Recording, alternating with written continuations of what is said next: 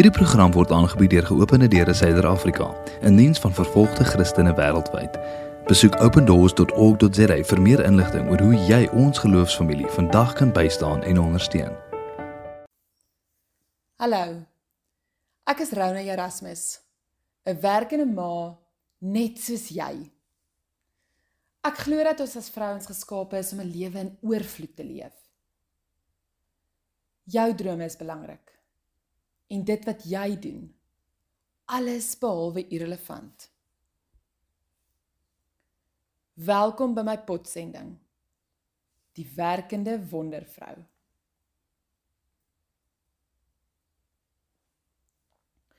Ek was van jongs af glad nie op my mond geval nie. Ek het groot geword in 'n huis waar ons inderwaarheid aangemoedig is om dit waaroor ons dink en die dinge wat ons voel in 'n veilige spasie te mag kommunikeer. Met 'n prokureurpa is ons die vaardighede van kleins af geleer om dinge te beredeneer en vir onsself of vir 'n saak te kan opstaan en ons sê te kan sê. Nou gooi nou 'n sterk persoonlikheid in die mix en jy kry vir my 'n dogtertjie wat haar sê kan sê en vir haarself kan opstaan. Ek het nie aldag besef dat hierdie eienskappe my soms ook in baie groot moeilikheid kan laat beland nie. En alhoewel my ma en pa ons altyd probeer herinner het dat mens uitgesproke mag wees, daar altyd 'n regte manier is hoe mens dit moet doen. Maar ek moes hierdie waarheid al 'n hele paar keer in my lewe self weer geleer het. Kyk, ek weet nou nie of die wêreld in die 80er jare al reg was vir 'n klein opinionated firecracker van 'n dogtertjie soos ek nie. Wel ek weet ten minste meeste onderwysers was nie. So ongelukkig het ek hierdie positiewe eienskap wat ek net moes kultiveer en moes leer hoe om dit te gebruik en hoe om dit beter te bestuur, vinnig vinnig begin wegsteek. Want dit was mos nie wat dogtertjies veronderstel was om te doen nie. Kyk, 'n dogtertjie moet mos gaaf wees. Nie te hard of te veel praat nie, nie te veel vra vra nie. En allermins nooit iemand teengaan nie. Hierdie manier van dink en doen was in die 80er jare baie meer vir seentjies beskore gewees. Nou ek sê nou glad nie dat mens onverskrokke en sonder enige boundaries jou sê moet sê nie. En daar is baie jare wat intussen verloop het waar ek moes leer om hierdie eienskap nie meer as iets negatief te sien nie, maar om dit te gebruik en om dit op die regte manier, op die regte tyd met die regte intensies te gebruik. Kyk, ek gaan nou nie eers met jou doekies omdraai nie. Dit is vandag steeds vir ons as vrouens moeiliker om in die werksplek uitgesproke te wees as wat dit vir ons manlike kollegas is. En wanneer ons dan ook in ag neem dat ons totaal en al anders aan mekaar gesit is met totaal en al ander eienskappe, vroulike eienskappe, kan ons dit nie doen soos wat die mans in besighede doen nie. En moet ons dit ook nie so probeer doen nie. Maar een ding wat ek besef het is dat wanneer ek en jy as vrou mooi gaan sit en dink oor dit wat ons wil sê, en daarna dan te sê wat ons dink, sal ons sonder twyfel 'n daadwerklike verskil kan maak in die kringe waar ons beweeg. Dit is wel belangrik om dit op die regte manier te doen. En die eerste vraag wat ek en jy onsself moet afvra as ons iets wil sê of iets wil bydra, is dit omdat ons net gehoor wil word of is dit omdat ons werklik waarde kan toevoeg? Kyk, ons is elkeen geregtig tot ons opinies. Maar soms is dit nie nodig om ons opinies oor dinge uit te spreek as dit nie 'n groter doel gaan dien of 'n verskil gaan maak nie. Wanneer ek in 'n situasie is waar ek myself moet afvra of ek my opinie moet lig en of ek eerder moet stil bly, gebruik ek sommer die vier letters van die woord dink. Die D. Dien dit 'n sinvolle doel? Is daar 'n doel aan dit wat ek wil sê? Of sê ek dit soos ek vroeër genoem het net omdat ek gehoor wil word? Gaan dit wat ek dink 'n doel groter as myself ondersteun? En gaan ons met hierdie doel in 'n rigting kan beweeg wat positief is? Dan die U. Is dit inspirerend of insiggewend of dalk inligting wat ek het wat gedeel moet word wat potensieel 'n uitkoms in 'n positiewe een kan verander? Dink gou mooi daaroor. Is dit wat jy deel iets wat waarde toevoeg tot die groter prentjie? Het dit die potensiaal om die uitkoms positief te verander? Dan is dit nodig dat jy dit sê. Die N. Is dit nodig om dit wat ek dink te sê en gaan dit ook 'n goeie impak maak? Ons moet altyd jouself die vraag afvra of dit werklik nodig is. Dan die K. As jy ja op die bogenoemde kon antwoord, moet jy nou dit wat jy dink op 'n sinvolle, direkte manier kan kommunikeer. So die K staan vir kommunikeer. En ook vir konteks.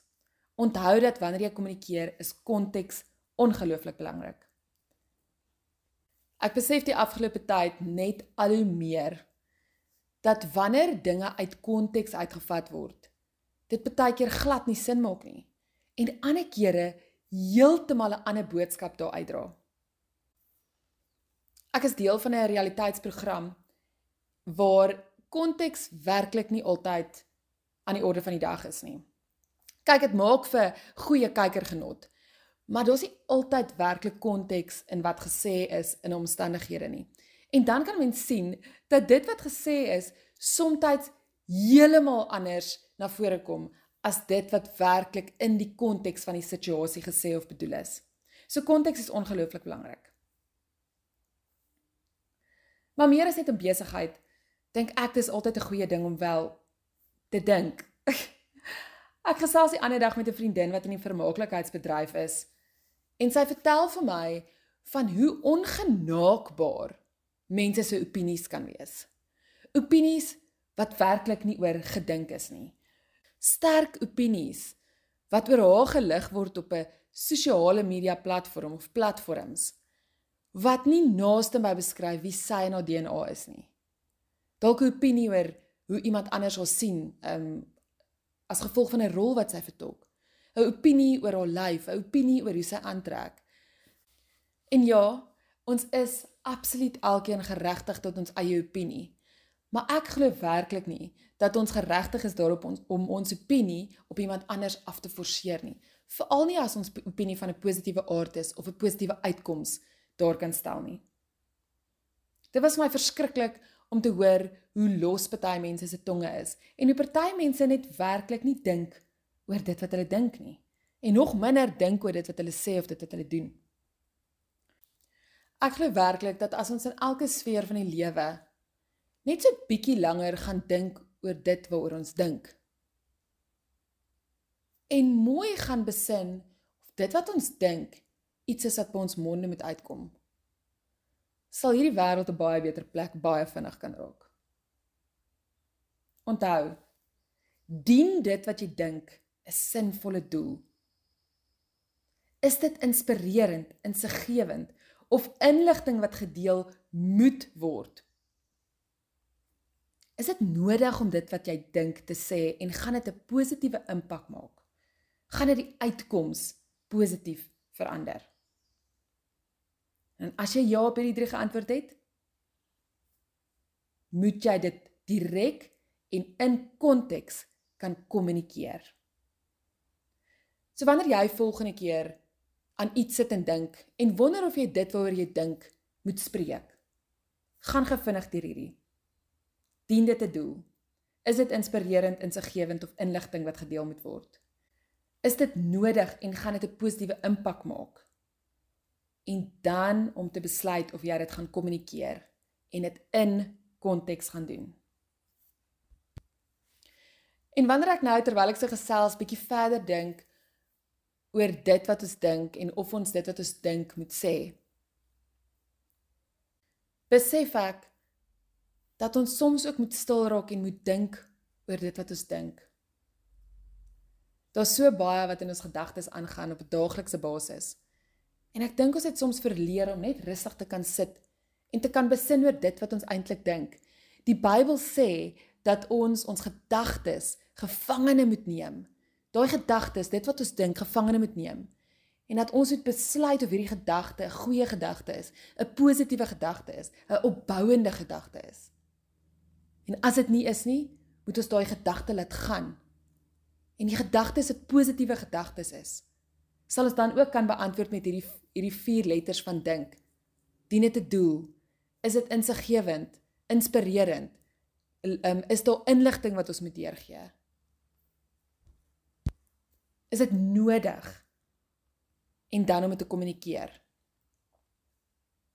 Ek dink dit is amper belangriker as enigiets anders vir ons as werkende wondervrouens om te dink nie net oor dit wat ons wil sê nie, maar om te dink oor die dinge waaroor ons dink. Want onthou, dit wat in ons gedagtes aangaan, bepaal op die ouend ons hele lewens. Ek hoop dat jy die week meer gaan besin en gaan dink oor die dinge waaroor jy dink. En dat jy nie net onverskrokke gaan sê wat jy dink nie, maar dat jy mooi gaan besin voordat jy dit wat jy dink gaan sê. En dat jy altyd sal onthou dat woorde krag het en dat wanneer ons eers iets gespreek het, ons dit nie weer kan terugvat nie. Die is Helen se storie. Sy is 32 maande in 'n skeepsvraghouer aangehou. Sy is gemartel, gevra om haar geloof te versaak, maar sy kon nie. Ons broers en susters is steeds opgesluit. Terwyl ons sing, word hulle stil gemaak. Ons is vry, hulle is geboei. Ons kan meer doen. Ons kan bid. Ons kan ondersteun. Jou geskenk aan geopende deure vandag kan vervolgde Christene in die gevaarlikste lande bystaan. SMS geloof na 43699 om vandag te skenk of besoek opendoors.org.za.